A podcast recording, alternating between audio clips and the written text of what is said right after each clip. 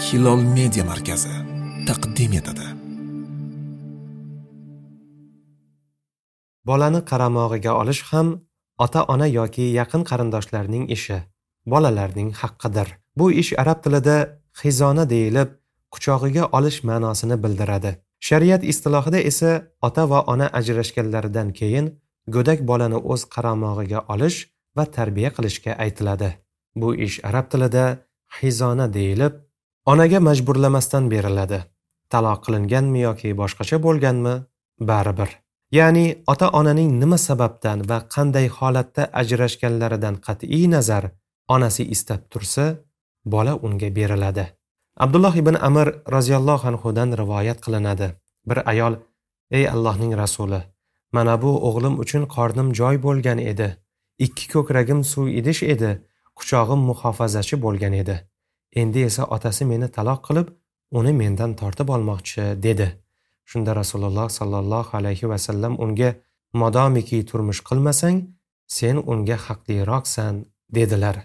Abu dovud ahmad va hokim rivoyat qilganlar. Hokim sahih degan. Ibn abu shayba o'zining musannaf nomli kitobida said ibn musayyabdan rivoyat qiladi. Umar ummu osimni taloq qildi.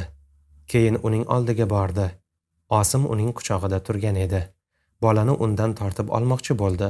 Ikkovlari uni tortishib ketishdi. Bola yig'lab yubordi. Ikkovlari abu bakrning huzuriga borishdi. Bas abu bakr unga ayolning silashi quchog'i va hidi uning uchun sendan ko'ra yaxshiroq. Bola ulg'aysa o'zi tanlab oladi dedi. Agar ayol bolani olishni istamasa u majburlanmaydi. Illo undan boshqa shaxs bo'lmasa yoki bola undan o'zgaga ko'nmasa majburlanadi. Bolani qaramog'iga olishga haqdorlarning onadan keyingi tartibi quyidagicha. So'ng onaning onasi va shu yo'sinda yuqorilab boraveradi. Keyin otasining onasi ota va ona bir opasi ona bir opasi ota bir opasi. So'ngra shu tartibda xolasi va ammasi ular hur bo'lishlari sharti ila. Bu hukmga dalil ushbu hadisdir. Ali roziyallohu anhudan rivoyat qilinadi. Zayd ibn horisa makkaga borib hamzaning qizini olib keldi. Shunda jafar uni men qaramog'imga olaman unga men haqliman chunki u amakimning qizi uning xolasi mening qo'limda xola ona o'rnidadir dedi. Ali esa unga men haqliroqman u amakimning qizi rasululloh sollallohu alayhi vasallamning qizlari mening qo'limda bu qizga u haqliroq dedi. Zayd esa unga men haqliman. Uni olib kelgani men bordim. Men safar qildim va uni o'zim olib keldim dedi. So'ng rasululloh sollallohu alayhi vasallam ularning oldiga chiqdilarda uni jafarga berishga hukm qildilar va u xolasi bilan bo'ladi. Xola ona o'rnidadir dedilar. Abu dovud va ikki shayx rivoyat qilishgan.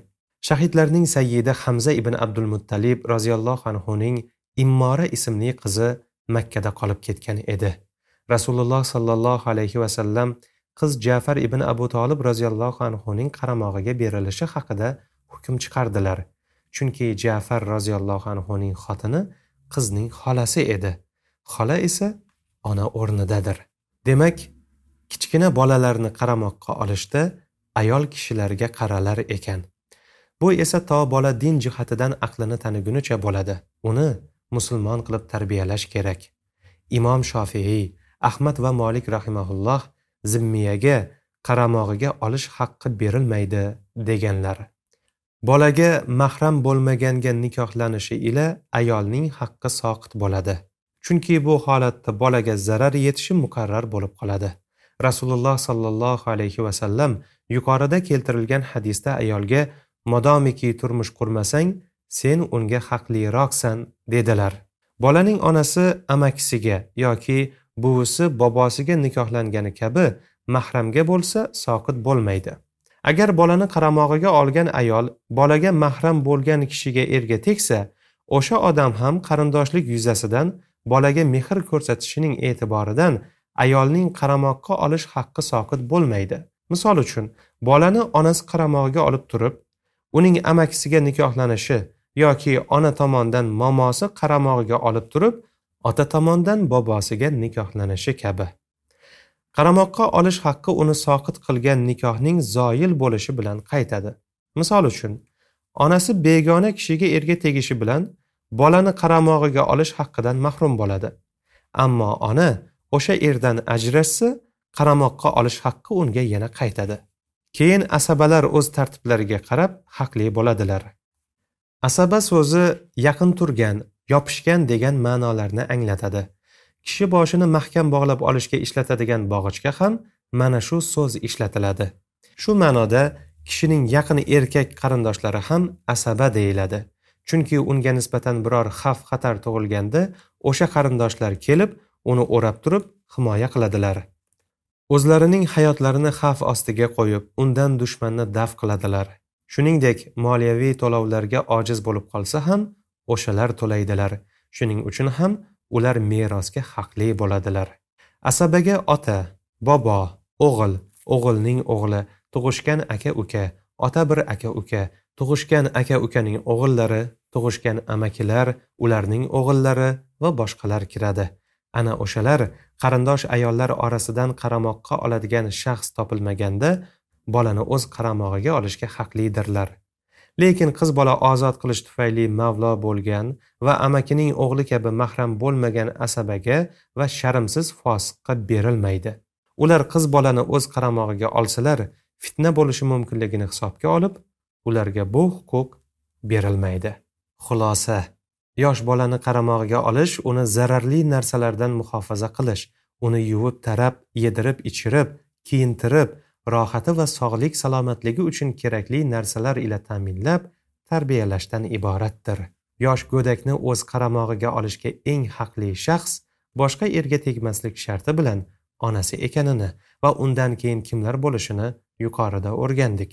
Bolani o'z qaramog'iga oluvchi shaxs kim bo'lsa ham unda bir necha shartlar bo'lishi qat'iyan talab qilinadi. Birinchi oqil bo'lishi kerak. Ikkinchi balog'atga yetgan bo'lishi kerak. Uchinchi dindan chiqqan murtad bo'lmasligi kerak. To'rtinchi fosiq ishonchsiz bo'lmasligi kerak. Ba'zi fisqu fujur ishlarni qiladigan o'g'ri va betayinlar yosh bolalarni o'z qaramog'iga olishga haqli emaslar. Beshinchi bolani qarovsiz qoldirmasligi kerak. Agar qarovsiz qoldiradigan bo'lsa qaramog'iga olish haqqidan mahrum qilinadi. Oltinchi ota kambag'al bo'lib ona ajrsiz tarbiya qilishdan bosh tortsa ajrsiz tarbiya qilishni xohlagan yaqin qarindosh ayol bolani o'z qaramog'iga oladi. Yosh bolaga ixtiyor haqqi berilmaydi. Ya'ni kichik yoshdagi bolaga sen kim bilan bo'lasan? O'zing tanlab ol deyilmaydi. To bola o'zi yeb ichadigan va istinjo qiladigan bo'lgunicha unga onasi va momosi haqlidir. Qiz bolaga to hayz ko'rgunicha. Go'dak bolani otasi va onasi talashib qolsa onasiga beriladi. O'zi yeb ichadigan va istinjo qiladigan bo'lgan o'g'il bola otasiga beriladi. Chunki u erkaklarga xos narsalarni otasidan o'rganishi zarur. Qiz bolalar esa hayz ko'radigan bo'lgunlaricha onalari bilan qoladilar. Chunki ular ayollarga xos narsalarni onalaridan o'rganishlari lozim. Qizlar balog'atga yetganlaridan keyin ularni asrashga va turmushga chiqarishga otalar qodir bo'lganliklari uchun vaqti yetganda otalarining qaramog'iga o'tadilar. Taloq qilingan ayol o'zi nikohdan o'tgan vatanidan boshqa joyga bolasi bilan safar qilmaydi. Bu faqat onaga xosdir. Bolani qaramog'iga olgan onadan boshqa shaxslar hech qayerga safar qilmaydilar. Chunki bu narsa bolaga zarar keltiradi. السلام عليكم ورحمة الله وبركاته.